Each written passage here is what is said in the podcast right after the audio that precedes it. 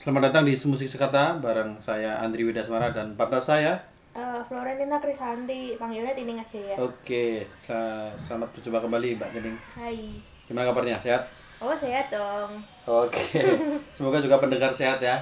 Eh, ini merupakan podcast yang kesekian kalinya bersama Mbak Tining. Terima kasih telah setia menemani kami dalam membahas-membahas fenomena musik dan juga eh, hal-hal yang di dalamnya yang nggak ada habisnya sebenarnya banyak banget ya.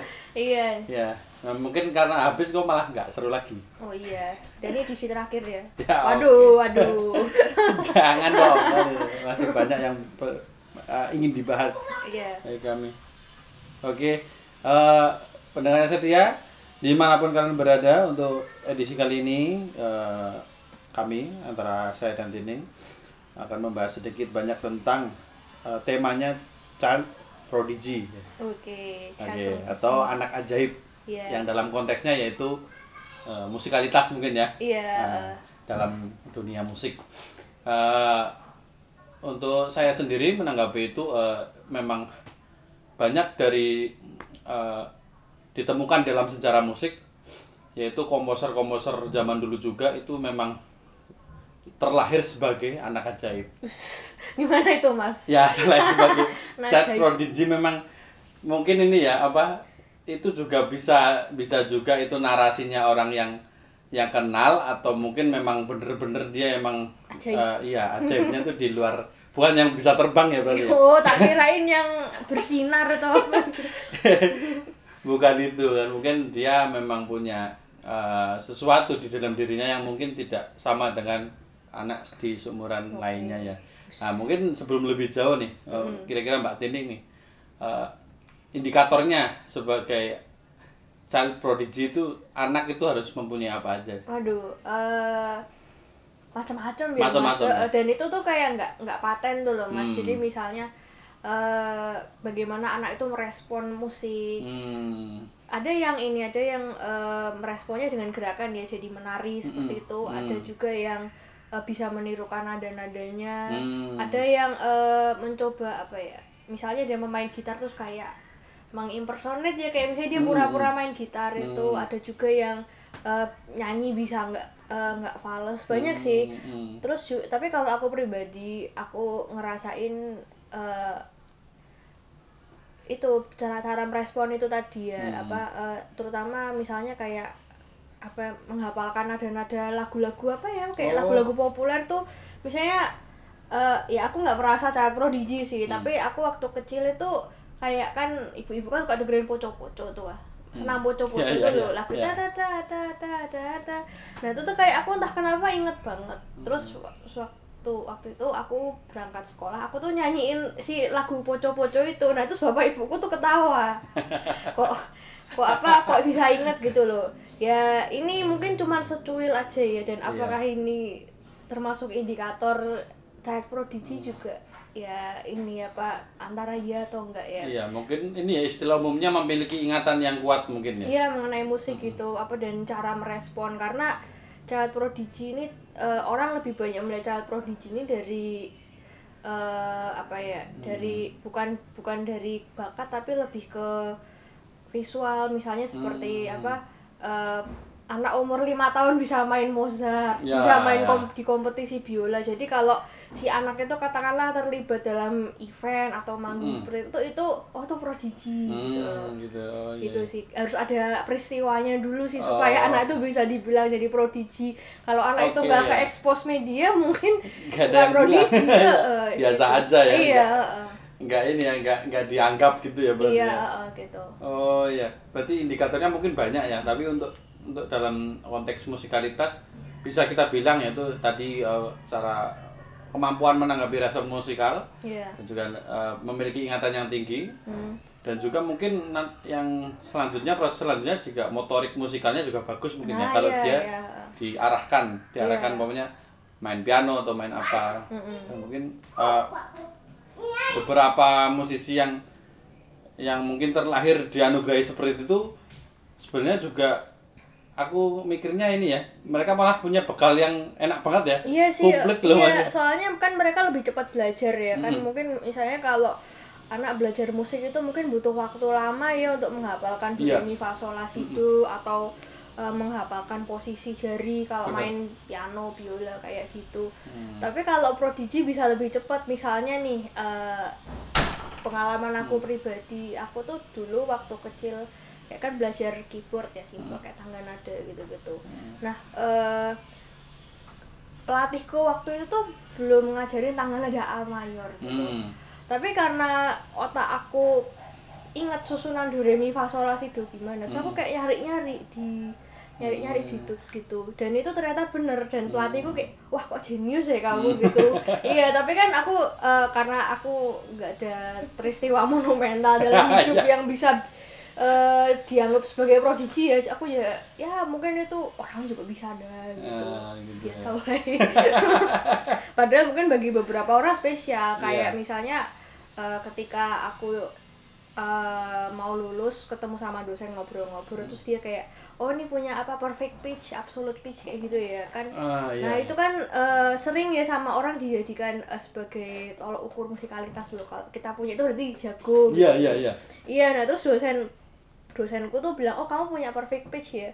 Nah, terus aku diem kayak eh ya ada sih, Pak. Terus dia bilang, "Oh, itu spesial bla bla." Sementara aku batin kayak, "Oh, paling kalau anak isi ya banyak bisa gitu loh." banyak yang bisa gitu jadi ya tidak merasa istimewa ya sementara orang luar bilang wow gitu Iya. Berarti muncul muncul lagi nih untuk dalam konteks musik sebenarnya mempunyai perfect, perfect pitch juga salah satu Iya, iya, iya, indikatornya itu dia punya iya. bakat Soalnya- yang lebih. Iya, soalnya kalau di cerita fiksi itu kayak entah di film, novel, komik gitu-gitu tuh, itu anak yang su- atau tokoh yang udah punya perfect pitch tuh kayak udah tuh level musiknya plus plus plus plus gitu. Karena masalah eh, apa menggali nadanya dia udah udah nggak ada masalah kan tinggal Iya. tinggal mikirin yang lain kan gitu. Iya. Itu kan kecepatannya jadi kita kalau orang biasa dibanding itu kan pasti ya kalah untuk soal kecepatan Iya. menebaknya kan gitu dan Yes. dan sebagainya. Untuk juga mengkompos suatu musik juga pasti kalah kalau untuk kecepatannya loh maksudnya. Iya, iya. progresnya dan sebagainya mungkin oh iya mungkin eh, nah ini kan juga di luar banyak kajian juga kayak perfect pitch itu bertahan gak sih pokoknya Oh iya, eh. dia lahir perfect pitch nih Ha-ha. nah sampai tua itu emang masih perfect pitch kalau menurut mbak Tining sendiri gimana Nah itu aku nggak tahu ya apa eh, beberapa ada yang bisa tapi ada yang emang turun juga. Hmm. Misalnya kayak eh tapi ini rujukanku fiksi ya mas bukan, bukan di keilmuan gimana. Iya, iya, iya. Jadi ada sih ada kayak eh, orang bilang kalau katanya eh, perfect pitch itu nanti kok tua makin turun gitu. Hmm. Jadi kayak di fiksi yang aku baca karena dia udah turun dia ini seorang tuner gitu. Ya, Jadi ya, karena ya. turun udah di- ditinggalin sama musisinya kayak gitu. Tapi kayaknya itu mungkin eh, ini ya apa tumpang tindih sama relatif pitch kan ada juga kan mas. iya itu relatif kan yang pitch dilatih terus ya. Eh, Nah itu mungkin apa eh, orang salah kaprahnya di situ apa itu perfect pitch, relative pitch atau mungkin dia punya perfect pitch tapi nggak dilatih-latih, nggak dirawat gitu. benar benar Bisa jadi ya. itu juga kan beberapa eh, kayak youtuber musik seperti Adam Lili juga pernah jelasin itu Hmm. kan bahwa perfect pitch nggak hanya satu jenis dia Oh ada empat toh ya kalau nggak salah saya lupa tapi di dalamnya juga termasuk relatif pitch juga Hmm. itu tadi dan juga ada yang gini eh, memang anak itu sebenarnya bukan bukan melihat nada seperti kayak orang sinestesia. Mm-mm. kan Oh sinestesia iya kan ada warna-warna. nada warnanya dia jadi tahu nada apa. Tapi ada orang ada anak yang atau orang itu yang ngapalin. Jadi nada segini biasanya lagu ini. Ini segini. Banyak ya lagu. Hmm, ya ya. Peter Pan dong deng deng deng deng deng deng. Itu baru C-nya tuh nah, gitu. Oh, gitu. oke oke. Bisa jadi. bisa gitu. Jadi ada empat kalau nggak salah. Tapi aku belum bisa jelasin di sini karena aku lupa. Mungkin next time aku bisa ya. Bisa lebih menggali itu bapak Oke. ternyata jenisnya perfect pitch nggak cuma perfect doang tapi ada yang memang dia dari memang dia dari pengalaman Mm-mm. mungkin empirical gitu Iya. Heeh.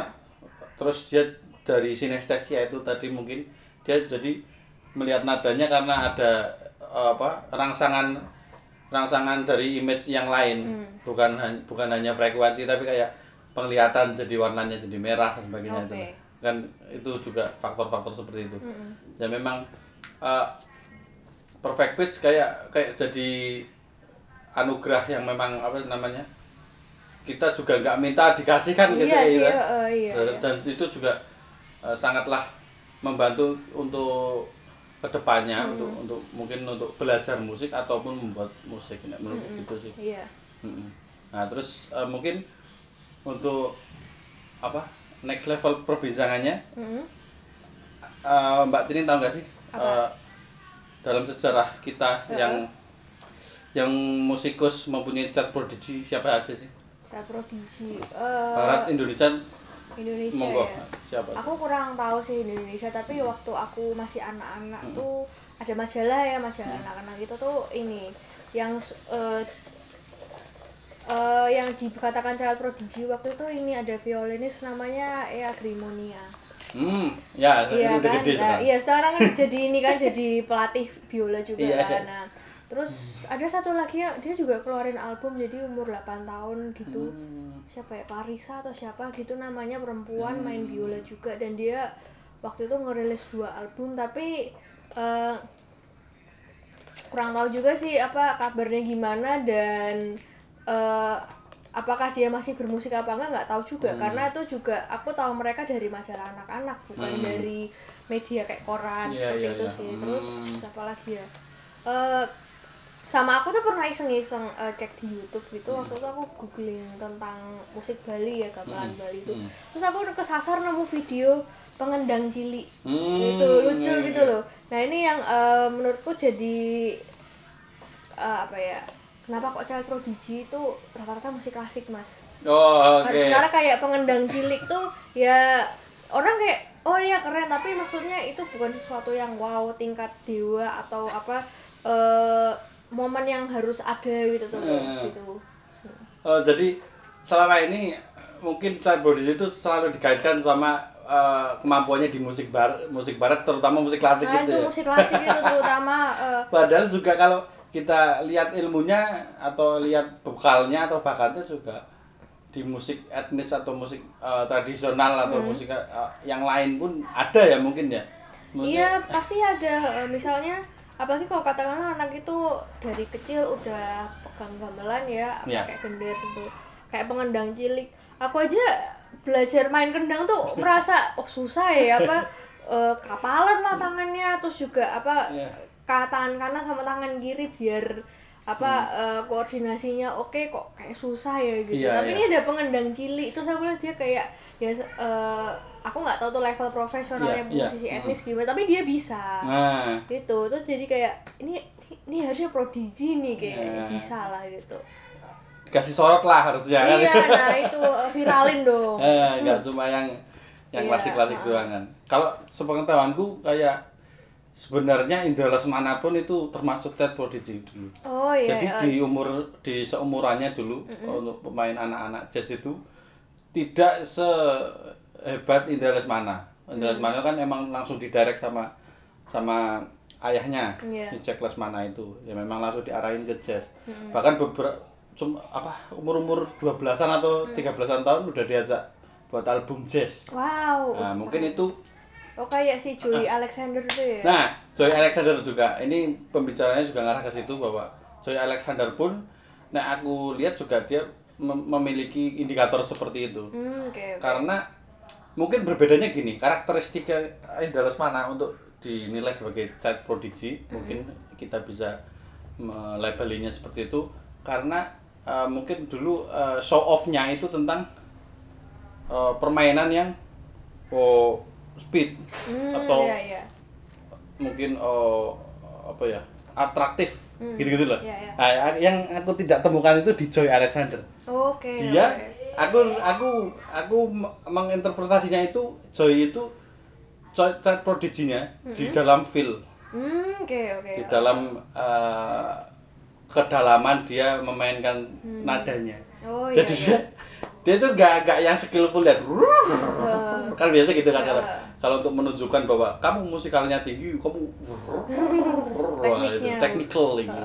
Nah, dia enggak, dia kayak milih nadanya hati-hati kayak Hmm, Jadi kayak iya. kalau kamu nggak lihat video ya, kamu dengerin albumnya Joy Alexander. Heeh. Kamu kayak kayak dengerin orang oh, pianis 45 tahun lagi main. Oke, oke, oke. nggak kedengeran kalau di anak-anak. Hmm, oh berarti kayak anak-anak tuh sebenarnya bisa ya Nah, apa itu eh, misterinya di situ. itu apa maksudnya interpretasi mas Nah. terutama seperti yang dibilang soal Joy Alexander itu karena kalau kan banyak ya kayak kompetisi musik klasik itu tuh kan yang paling gampang dinilai itu kan teknik ya, Ya, dan itu teknik, oh. anak-anak ya misalnya umur lima tahun 8 tahun gitu gitu pasti yang dinilai nomor satu itu kan teknik tapi apakah interpretasinya oke Nah, nah, itu itu, itu Sering dikesampingkan. Nah itu juga yang apa aku Penilaian juga, seperti itu, eh. juga ngeliatin dari kompetisi musik klasik anak-anak itu tuh kayak aku tuh kalau ngeliat anak-anak main musik klasik Hmm. kayak di lomba seperti itu tuh kadang rasanya nggak ada mas Eh, eh, kayak ya karena main anak-anak kan takut salah ya Iya. takut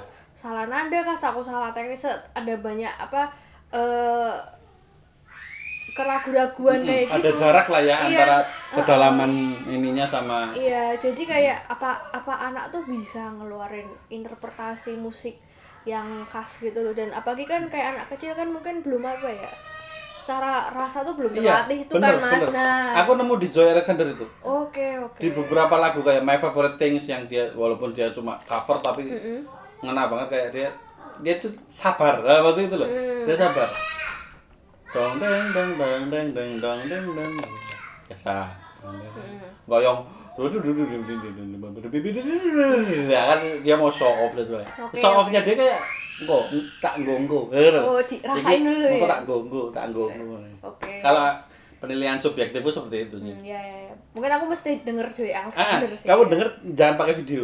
oke Enggak, siap, kayak, kayak orang menarik menarik kayak orang 45 tahun main tuh kayak kayak udah dewasa, orang-orang dewasa main Hmm, piano. oh iya pantas sih ya kalau apa akhirnya kayak menang penghargaan mungkin karena itu kali ya apa eh, eh, karena kan kalau mungkin nangkep rasanya itu Nah. mungkin dapat kali ya Soalnya kan kadang anak kecil kan eh, ini ya apanya bermasalahnya di itu ya untuk ketidaksabaran terus. oh iya sih Iya kan karena ya, itu gitu kan masalahnya kayak dia pengen show off, pengen dianggap eh, skillful. Hmm. Nah, ada yang enggak gitu kan berarti wah be- beda ini kan gitu. hmm ya ya ya Menarik juga tuh. ini. Eh, eh. Ada musisi lain nggak mbak? Mungkin yang hmm bisa diekspos. Aku nemu dua itu paling. aku juga nggak nemu sih ya paling kalau Paling banyak ya. Tapi kita banyak banget sih tahu kayak banyak. kayak komposer komposer kayak Rafael pun juga katanya child prodigy Hmm, tapi hmm, kan hmm. ya itu apa eh medianya nggak ekspos waktu dia masih bocah ya jadi mana tahu tuh kayak ya Mozart jelas lah ya Nah, Mozart jelas. yang paling ini ya, iya paling ikonik. eh, paling ikonik dan acuannya nomor satu nih misalnya kalau ada nah ini mas misalnya kalau ada anak umur 10 tahun sudah bisa mengkomposisi sonata misalnya Hmm. mesti tuh di sama-sama ini sama Mozart mas gitu padahal juga apa eh, baru-baru ini juga muncul perdebatan apakah itu Mozart yang bikin karena ternyata ada penelitian terbaru nih sebenarnya kakaknya Promo tuh juga bikin tapi menarik. iya tapi eh, tapi karena ya kondisi sosial kayak gitu akhirnya itu diklaim itu pakai namanya Mozart gitu. Hmm. Iya, jadi mungkin kayak ya ini menyerempet ke gender tuh besok-besok lah ya. Oh, oh, tapi iya, mu- iya. tapi ada seperti apa muncul keluar hal-hal seperti itu. Jadi eh apakah benar Kak Mozart umur 8 tahun bisa bikin sonata ya Hmm. ya itu mitos aja kali ya. Anggap itu aja kali ya. Iya, mungkin ya kebenarannya kan nggak nggak ada yang tahu tapi Iya, untuk menariknya kan kalau apa ada ternyata nih ada yang narasi yang itu bukan sepenuhnya Mozart kan menarik. Nah, Bener-bener. Mungkin ini ya berarti ya untuk eh, kita berusaha untuk sebenarnya eh, eh, mereferensi publik atau atau membuka membuka wawasan bahwa sebenarnya child prodigy itu nggak selalu berkaitan dengan musik klasik kan seperti itu Iya, sebenarnya. iya, oh. Ba- Beberapa beberapa banyak yang kurang diekspos seperti eh, yang mungkin di bidang tradisi atau mungkin di bidang yang kui nangkap nangkap apa namanya musikalitasnya sangatlah terampil kan gitu sebenarnya. Hmm. Bahkan kata Pak Jaduk itu dibilang kalau kalau seniman punya ngeng ngeng ngeng nah, itu, Itu apa ngeng Mas? ngeng tuh kayak daya musikalnya dia Hmm. daya musikalnya dia yang yang nggak bisa dijelasin kan Hmm. ngeng itu lah berarti itu udah namanya apa udah mumpuni menjadi seniman kan gitu oke sebenarnya. Jadi ngengnya itu yang jadi modal dia jadi sebenarnya ngengnya itu. Itu unik ya, Iya. ngang. mungkin ya jadi terinspirasi dari yang tradisi-tradisi mungkin ya. Ada yang bilang mungkin wong tua bahwa ngang, gue kurang ngang ya ada. Kurang. Iya. Iya, bingung juga ya ngomongnya apa ya kayak rosonya, Heeh. rasanya. Nggak rasa juga kan kayak penangkapan kan gitu. Iya. Ya pasti banyak lah, mungkin di bidang karawitan Mm-mm. atau mungkin di eh, apa namanya musik-musik tradisi yang di luar selain Jawa mungkin Mm. kita siapa tahu kan Iya, iya pasti banyak kemungkinannya tuh. Mm-mm. orang yang terampil langsung kayak bahkan sekarang ya kedang kedang dangdut tuh yang yang anak kecil banyak banget tuh loh yang di youtuber Oh, jadi oke, youtuber ha. jadi dia sampai anak SD tuh baru pulang sekolah Mm-mm. ngejob dangdut Oke, wah. ada video aja aku aku mau iki loh iki ada cacat Iya, produksi iki prodigi ayo ya, jangan kan. dia kayak Umur nah, itu, udah reguleran deh, Mas. genrenya tuh udah kayak Joy Alexander dia penghayatannya udah mak udah bagus. Ah, iya, sampai iya. ngelempet ngelap keringatnya tuh udah kayak orang tua Udah kayak orang tua ya. udah kayak orang tua ya tuk tak tuk tak ngono. ada kok youtuber itu kan Hmm, namanya lupa aku. Jadi kendang dia. Mm-mm. tapi Iya masih sih, kecil. Heeh. sampai jadi dia pasti pakai apa celana SD itu yang merah. Tapi pakai kalse. Oh, kayak. Jadi pada sekolah Oke, oke. Lucu ya. langsung ditangkap loh wah Oh tangkap. iya. ya kayak gitu kayak gitu kan kita jarang jarang membahasnya kan kayak gitu kayak mau cuma iya, hiburan doang kan. mm. ternyata kalau dilihat kembali atau diteliti kembali ya mereka mereka itu kayak punya kemampuannya lebih daripada Iya. seumurannya kan ketika seumurannya nggak nggak tertarik untuk main musik untuk tanya apa tapi bocah itu Hmm. malah menunjukkan kan Iya, spesialnya sudah gitu. passionate ya. Ya, passionate. Oke oke. Mungkin mengenai ini sekarang kan ini kan eh, perspektifnya dari bocahnya nih. Iya, heeh. Nah, sekarang ke- kalau dibalik dari perspektifnya orang tua nih, Aduh, Nah, ini agak- ke dalam lagi nih.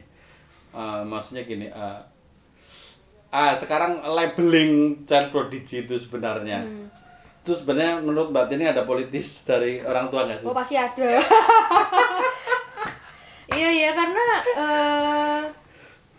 i- itu ada orang tua tuh kan butuh sesuatu ya yang dibanggain Nah, dari keluarganya nah. dia. Nah, itu Banyak faktor ya karena Iya, kenapa aku- ya? Iya, karena aku ngerasain itu. Jadi kayak apa? eh, ya aku bersyukur ya kebetulan aku punya perfect pitch. Dan Hmm. itu eh ya itu yang kalau orang tua ketemu sama temennya sama Iya, iya, itu iya. ya itu yang dibilang wah anakku jago musik anakku jago ini maaf ya bukan bermaksud menghina orang tua ya enggak ya tapi eh, kadang kan eh, kok dari segi anaknya kadang kok digembar-gemborin kayak gitu kan mungkin nggak nyaman kan Iya. ya. nah seperti itu itu jadi untuk eh, apa ya ya ada sesuatu yang dibang- dibanggakan lah Hmm. tapi untungnya orang tua aku nggak se ekstrim ya mungkin eh, yang dilakukan sama beberapa orang tua di Cina sana yang Hmm. benar-benar sampai eh, dileskan Hmm. lesin pun juga mencari me- eh, tutor yang dia seorang pemain profesional Hmm. terus diikutkan lomba seperti Hmm. itu kan kalau masih untung ya kalau orang tuanya ini tanya dulu ke anaknya apakah memang eh, mau apa enggak tapi kan ada juga yang orang tuanya nih maksa anaknya untuk Hmm. untuk eh, latihan untuk ikut lomba dan Hmm. bahkan latihan aja sampai waktu mainnya habis sampai seperti itu dan eh, itu jadi kebawa ke ketika mereka besar jadi Hmm. waktu itu pengalaman eh, saya sama teman-teman piano klasik diisi ketemu sama Ananda Sukarlan dan waktu itu beliau cerita waktu Hmm. kompetisi piano itu tuh yang anak-anak dari Cina tuh rata-rata mereka bener-bener nggak ada waktu untuk nongkrong gitu loh mas iya jadi eh, tapi udah besar sih ya apa Iya. udah ya umur 15-an tahun lah Mm-mm. gitu ya nah itu kalau yang dari Eropa atau Amerika ini mereka kayak sempet-sempet kak waktu kosong yuk eh, nongkrong yuk Hmm. minum-minum apa jalan-jalan makan bareng gitu-gitu kalau yang dari Cina ini kayak oh nggak- aku nggak ikut dulu deh aku mau latihan kayak gitu loh saking apa ya kalau misalnya mereka nggak lihat latihan tuh bener-bener se sepanik itu Hmm, sampai seperti takut itu gitu. iya sampai itu terbawa ke mereka besar dan aku juga eh, bertanya-tanya sih kayak orang tua yang seketat itu se-strict itu tuh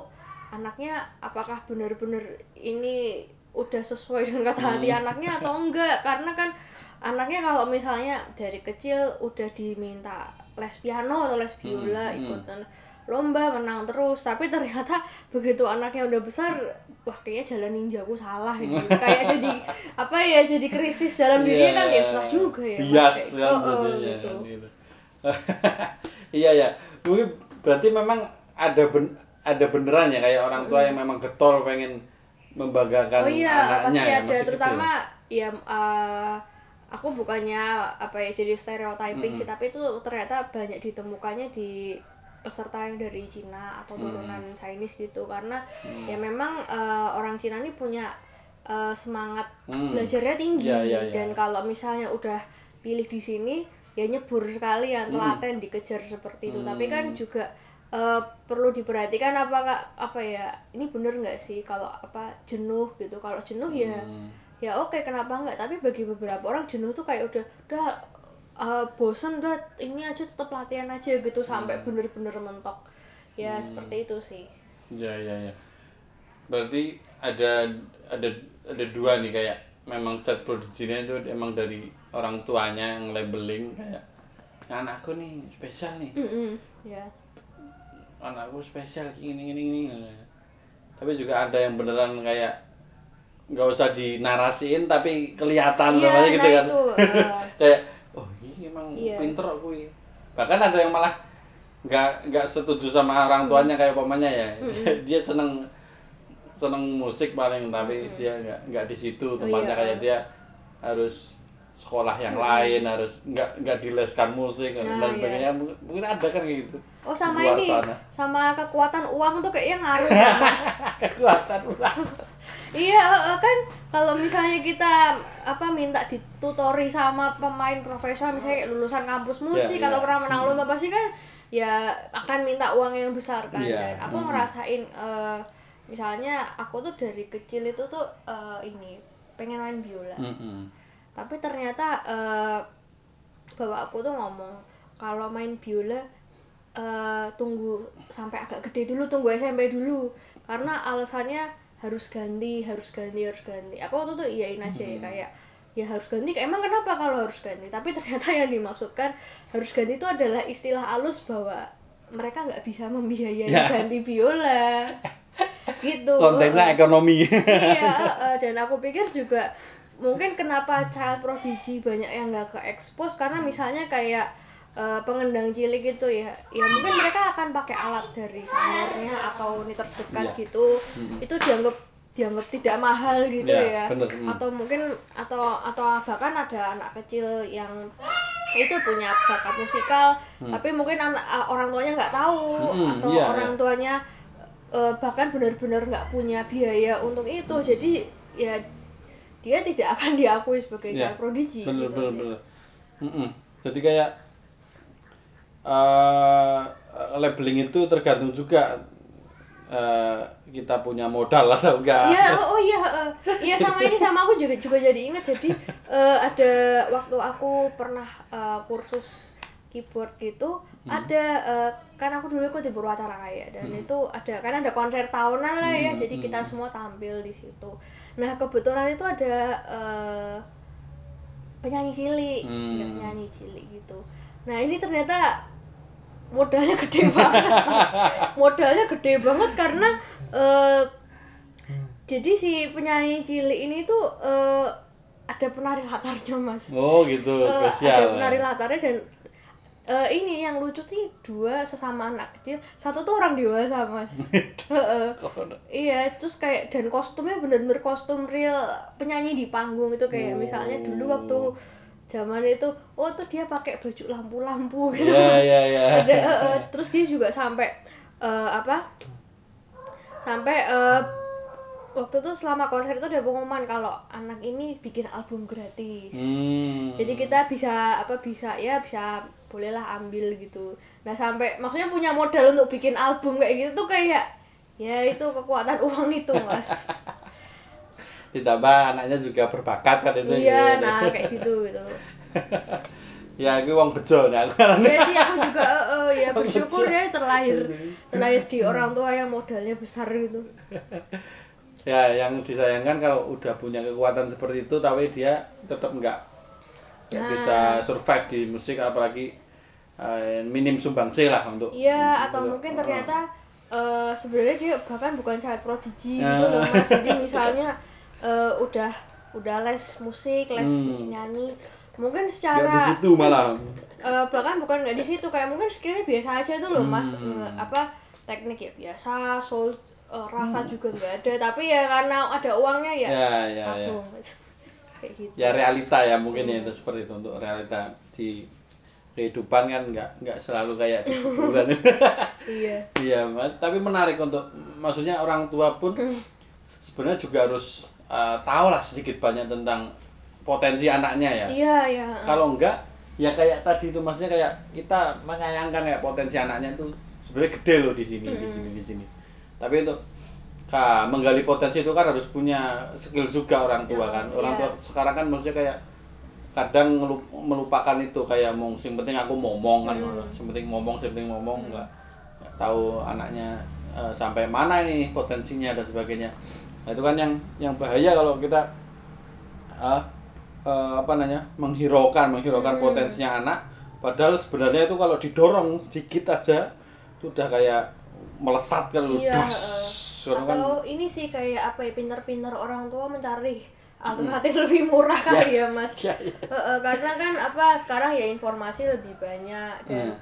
apa eh, mungkin nggak usah terlalu ambisius itu kali mas Hmm, Eh, iya, yang iya. aku lihat dari orang tua yang eh, misalnya anaknya punya bakat lalu langsung di langsung dipanggilkan tutor yang sudah pro banget punya Oke. prestasi sementara Hmm. mungkin kan kita juga kurang tahu ya anak itu oke punya punya bakat punya minat tapi skillnya bisa berkembang sampai sejauh mana lah. Bener-bener jadi mungkin kayak apa misalnya eh, dicarikan apa atau yang pelatih yang terdekat dulu atau Hmm. mungkin bisa menikmati konten-konten musik untuk belajar sedikit-sedikit gitu loh. Jadi apa ya eh, entah gimana caranya supaya anak tuh tetap terasa musikalitasnya tapi Hmm. ya ya kantongnya tetap aman juga sih mas Oke, ini jadi aku menarik ya, pengen ke pembahasan selanjutnya bahwa men- menurut Mbak Tening nih, ya dari dari segi sudut pandang atau perspektif eh, pemerataan pendidikan. Waduh, Oke, waduh, segi. heeh. Oke, rada rada sedikit-sedikit. Pemerataan pendidikan itu kan ada terutama di sekolah-sekolah musik ya. Iya. Eh, kan ada mitos gini. Satu persen bakat, 99% latihan. Ada itu, itu ada itu. Aduh. Jadi jadi untuk aku tahu itu karena untuk premis pemerataan pendidikan Bapak. Yang kamu butuhkan adalah latihan. Bakat Iya mungkin sih, satu iya. persen di Iya. dibutuhkan. Lah, menurut Mbak Tining kuwi kuwi kuwi mau mitos apa emang kuwi beneran kayak kayak kue nek latihan kue kue iso mencapai eh, skill musikal musik secara penuh atau memang sing bakat ki tanpa tanpa bersusah payah latihan ki juga bisa mencapai itu. Eh, pertama-tama eh, aku ngakuin aku tuh nggak suka latihan. Aku tuh benci latihan bosen banget gitu. Sampai kayak dikasih tahu guru kasih tahu dosen Iya. sehari latihan 4 jam sejam aja udah ah, udah lah udah udah nyerah gitu loh udah males banget gitu. Eh mungkin tergantung ini kali ya apa eh, kalau menurutku tuh meskipun orang sudah latihan sudah kerja keras sebegitu getolnya tetap akan kelihatan sih mas mana yang bakat mana yang enggak Hmm. menurutku ya mas Eh, Hmm. karena ya orang yang berbekal latihan juga bisa sukses bisa Hmm. ya ya karir lancar Hmm. job lancar seperti itu itu ya bisa juga Hmm. tapi kalau yang punya bakat itu ya itu tetap ada sesuatu yang unik misalnya kayak Joey Alexander yang Hmm. rasanya ternyata udah bisa keasah di umur segitu Hmm. atau mungkin eh, ada beberapa orang bisa improve eh, improvisasinya beda dari yang lain tetap Hmm. ini siapa mungkin ini supaya ini kali ya kayak ada motivasi kayak gitu tuh biar membesarkan hati orang-orang yang merasa nggak punya kali ya Hmm. itu sih tapi ya memang memang latihan itu perlu penting ngaruh banget tapi tetap ya kalau ketika kita banding banding itu tetap ada sih mas yang Hmm. bakat sama enggak gitu Mungkin ya untuk untuk indikator kesuksesan mungkin bisa sama-sama sukses. iya Iya. bisa tapi mungkin ya untuk untuk untuk eh, kedekatan kedekatan dia untuk untuk keterampilan musiknya Mm-mm. nah, mungkin itu mungkin ada perbedaannya di situ Nah, itu, nah aku juga iya. menurut gitu kalau sama-sama sukses dan uang banyak Mm-mm. besok di goalsnya mungkin bisa keduanya kayak gitu. Bisa bahkan kok, bisa kalau yang bakat itu kebanyakan mikir terus dia juga malas latihan jadi Iya, nggak iya, jadi eh, eh, jadi nggak sukses jadi, juga. masih bisa kayak gitu nah, menurutku Eh, eh. jadi kayak orang yang orang yang belum punya bakat maksudnya kayak emang dia terakhir nggak bakat di musik pamannya ya dia jadi punya daya struggling yang lebih gede daripada iya yang punya sih, bakat eh, soalnya kan Nah. startnya dari nol ya kalau yang punya bakat kan startnya dari 5 atau 10 gitu Nah, walaupun nanti eh, produk musikalnya berbeda mungkin entah itu feel-nya, entah itu keterampilan musikalnya, entah itu eh, technically-nya kan. Tapi ya itu kalau untuk kesuksesan dua-duanya bisa relatif. iya sih Nah, dua-duanya bisa relatif. mm-mm. Sukses secara harta atau sukses secara tenar, terus sukses secara eh, mungkin pengakuan dan sebagainya kan. Ya. Itu tetap dua-duanya nek menurutku tetap relatif karena orang yang nggak punya bakat pemainnya ya Mm-mm. dia ngejarnya dua kali larinya Iya orang yang sih, punya eh, bakat iya. gitu. kayak eh, aku ki harus harus podo minimal podo karo Mm-mm, iya, kanca-kancaku sing wis duwe bakat ki Iya. nah otomatis dia biasa bertahan hidup secara struggling kan gitu kan lah iya. itu kan menghasilkan menghasilkan sesuk kuwi dadi habit sing apik Iya, nah mencapai aku juga kesuksesan merasa kalau meskipun aku punya perfect pitch segala Hmm. macam, tapi aku tetap salut sama orang yang latihannya memang betul gitu Nah. loh. Karena em, aku lihat beberapa musisi termasuk yang di kampus Hmm. atau yang eh, di luar sana, eh, mereka mungkin kayak baru belajar alat musik, baru pegang alat musik Hmm. mungkin 10 ta- umur 10 tahun ke atas kali ya. Hmm, Sementara kan mungkin aku di bawah segitu, mungkin aku lebih cepat. Hmm. Tapi mereka skillnya lebih bagus dari aku Hmm, karena hmm. memang eh, misalnya mereka masuk kayak eh, sekolah khusus musik Hmm. dan meskipun mereka nggak ada bakat tapi mereka bisa masuk di situ dan pasti kan ada apa ada tuntutan bahwa harus latihan seperti Iya. itu dan akhirnya ya mereka bisa lebih jago daripada yang udah punya yang udah start dari 5 dan 10 gitu. Iya bener makanya. Pokoknya yang menghancurkan si Prodik ini kemalasan. Iya, iya Mas. Waduh. Malas golek duit, malas Malas latihan, malas malas apa merubah habit yang elek anu Iya, ini merusak. waduh, iya, iya. Kan banyak kan juga kayak ya itu kan kayak dunia populer dunia apa yang memang dia punya punya segalanya tapi dia rusak di tiga hal tadi kan. Iya. disetut karo wong sing biasa wae yang biasa aja tapi dia punya punya struggling yang tinggi Nah, iya, punya link yang banyak punya kekuatan-kekuatan yang lain seperti itu ya itu namanya kehidupan ya Memang gitu sih, eh, ya itu kayak kata Patrick tuh lah, hidup tuh nggak adil. Jadi biasakan dirimu. iya harus. aduh jadi kayak ya itu harus harus gitu kan sebenarnya nah ini menarik kayak memang kan Indonesia kan memang dari dulu dari dulu selalu mengusahakan pemerataan pendidikan ya untuk Mm-mm. Kan banyak dari saudara kita juga yang kita kita segini lagi lagi ngerundungin tentang child prodigy sebagai pendidikan yang apa pendidikan yang dari bakat atau dari latihan kan gitu Oh, kan iya, eh. nah itu ada yang seperti saudara kita yang nggak dapat pendidikan kan gitu kan Waduh, iya sih. makanya kan Indonesia lagi Iya. pemerataan pendidikannya mas, dari dulu masih terus diusahakan kan seperti Ah, iya. Nah, makanya kayak kita kita beruntung banget bisa ngomongin kayak gini. Sementara yang nggak nggak dapat pendidikan kan kayak Iya, waktu hey, banget tuh. ada apa? Heeh, padahal kayak misalnya kan kalau kita ngomongin yang terbelakang tuh kayak dari timur gitu Iya. ya.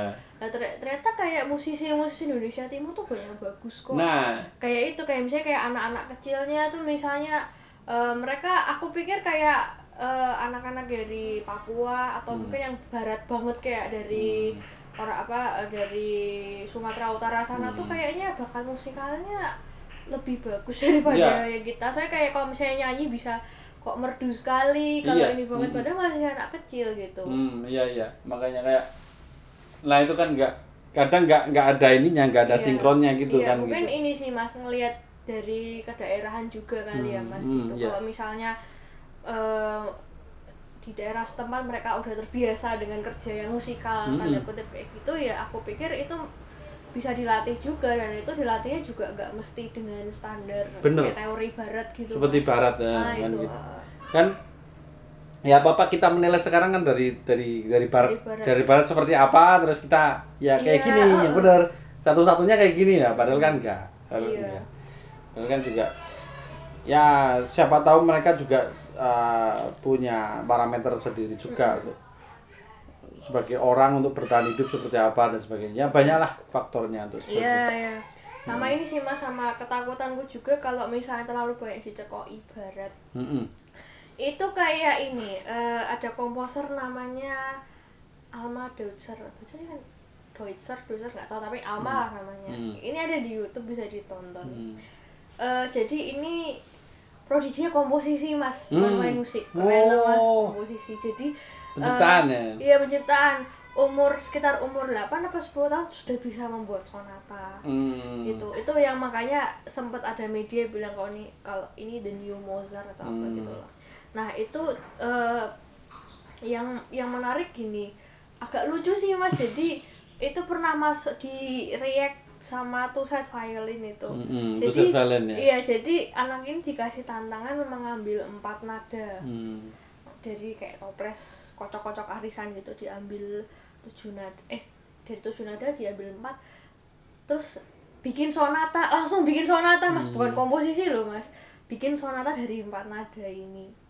Nah itu kan ada ya C D E A B gitu kan A B.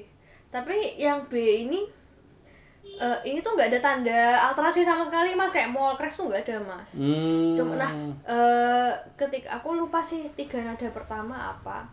Terus dia dapat itu dapat B. B itu kan agak mungkin agak susah kali Iya. ya.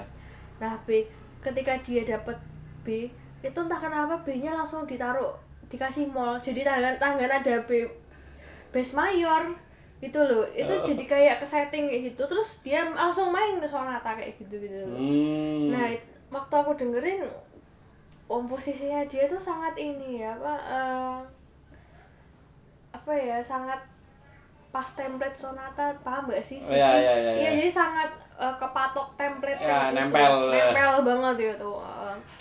kayak saya denger sih kayak ini kayak ya kayak ya komposisi zaman klasik kan zaman Mozart gitu-gitu mirip Hmm. banget gitu. Nah itu itu sempat sempat jadi dia kayak lah ini piye urusannya B kok jadi bemol tuh piye itu sampai diger-geri sama tuset kayak Ya, gitu. ya, Ya oke. Kemudian berlanjut ke yang terbaru. Nah ini komposisi terbaru ini apa ya judulnya Waltz. Hmm. Siren Waltz atau apa gitu lupa. Jadi gini dia jadi itu dipentaskan di gedung pertunjukan Hmm. lalu eh dia bilang inspirasinya itu adalah suara-suara di kota apa ya kayak klakson atau apa Aku seperti pernah mendengar seperti ini ya terus. itu ya kayak klakson apa biasanya klakson apa apa yang jatuh lah apa iya. angin kayak gitu gitu nah yang aku agak agak kaget dia ngomong gini bahwa eh, kita selama ini banyak mendengarkan musik-musik yang jelek Hmm. dia ngomong gitu mas kita banyak mendengarkan musik-musik yang tidak baik langsung waduh nih piye piye nih Piye anak. karepe apa Piye, ngono? kita tuh banyak mendengarkan musik yang tidak baik jadi dia kayak ngontoin kayak klakson gitu Hmm. kita selama ini banyak mendengarkan musik suara seperti itu mu- musik memang kenapa sih kok kita nggak membuat itu musik suara itu menjadi lebih baik dan ternyata yang dimaksudkan sama anak ini adalah Baiknya itu.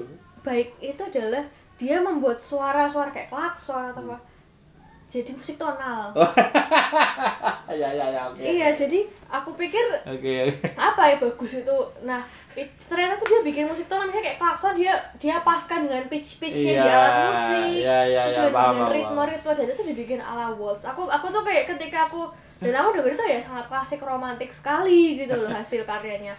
Tapi ketika dia ngomong musik bagus dan tidak bagus tuh kayak ini anak survive nggak ya kalau belajar komposisi, kuliah komposisi dan mendengarkan musik abad 20 gitu loh. Sampai kayak kasihan, aku tuh kasihan kayak anak-anak seperti itu karena Hmm. sudah di apa? Dipatri dari Iya sudah kecil ya? dipatri bahwa oh Sing ini apik iki sing yang elek iki. ah, yang bagus klasik romantik kayak gini yang ini jelek gitu sehingga kayak kalau misalnya gimana kalau kita eh, kasihan lah ya. kalau dia denger John Cage gimana mas apakah dia bilang John Cage itu jelek kan yo waduh waduh waduh Iya ya, memang ya ya gitu kan itu realita kan ternyata Mm-mm. ternyata masih pakem-pakem barat masih iya dipakai ternyata untuk aku juga nggak nyangka sih tonalitas kayak, dan sebagainya masih masih itu sebagai musik baik baik dan musik jelek kan itu. Nah iya aku juga gak nyangka ya kan kita kan udah eh, kita aku aja belajar komposisi pun juga sudah apa ya ya sudah dikasih dikasih lah kayak ini musik abad 20 kayak gini Hmm, gitu, iya, gitu iya. dan ya segala macam bunyi-bunyian noise seperti itu dan ternyata tipe kayak gini masih ada kayak apa aku takutnya ini seperti apa ya, kayak semacam elitisme tuh loh mas Hmm, jadi ya, kayak ya. apa eh, jadi ternyata ternyata di luar sana juga banyak orang yang masih mengagungkan musik Iya. klasik sebegitu kuatnya Iya, dan iya. akhirnya anak ini dijadiin kayak icon Ya, ya, icon ya. musik klasik abad 20 gitu abad 21 kan ya Icon musik baik. nah eh, nah itu tuh loh mas tuh kayaknya agak bahaya ya mas Iya, ya, ya, ya, memang ya kayak gitu kayaknya.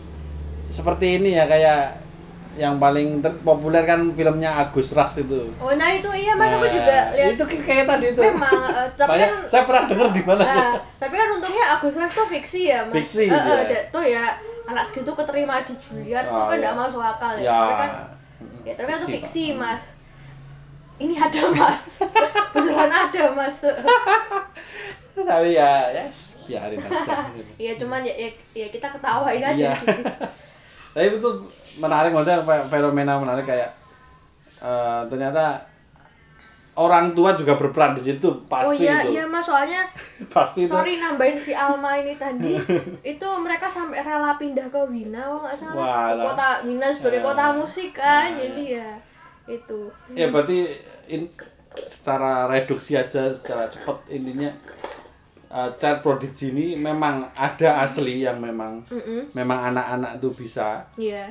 ada yang memang orang tua itu me- membungkusnya atau atau kayak membanggakannya sebagai child prodigy memang dari orang tua narasinya Nah, itu, dan iya. eh, dan bocah yang mau manut-manut baik kayak ya Oh, oke oke dan memang ada yang child prodigy yang yang memang mungkin tidak kita punya sorot ya jadi nggak nggak punya sorot itu kehadirannya kayak mungkin di ranah musik tradisional Iya, atau mu- mungkin eh, ranah musik-musik yang lain atau mungkin juga yang penting bukan klasik lah ya Maksudnya kan kayak sekarang kita nganggapnya klasik-klasik terus dan sebagainya Mm-mm. oke ya, sementara seperti itu Oke. terima kasih mbak Tuning Ya sama-sama. semoga ini bisa ini ya berlanjut ya Iya. Oke, terima kasih. Selamat siang. Semoga lancar semuanya. Kita bisa bincang-bincang lagi tentang teater produksi untuk ke depannya. Semoga Oke. sehat selalu. Ya, makasih Mas. Oke. Makasih ya.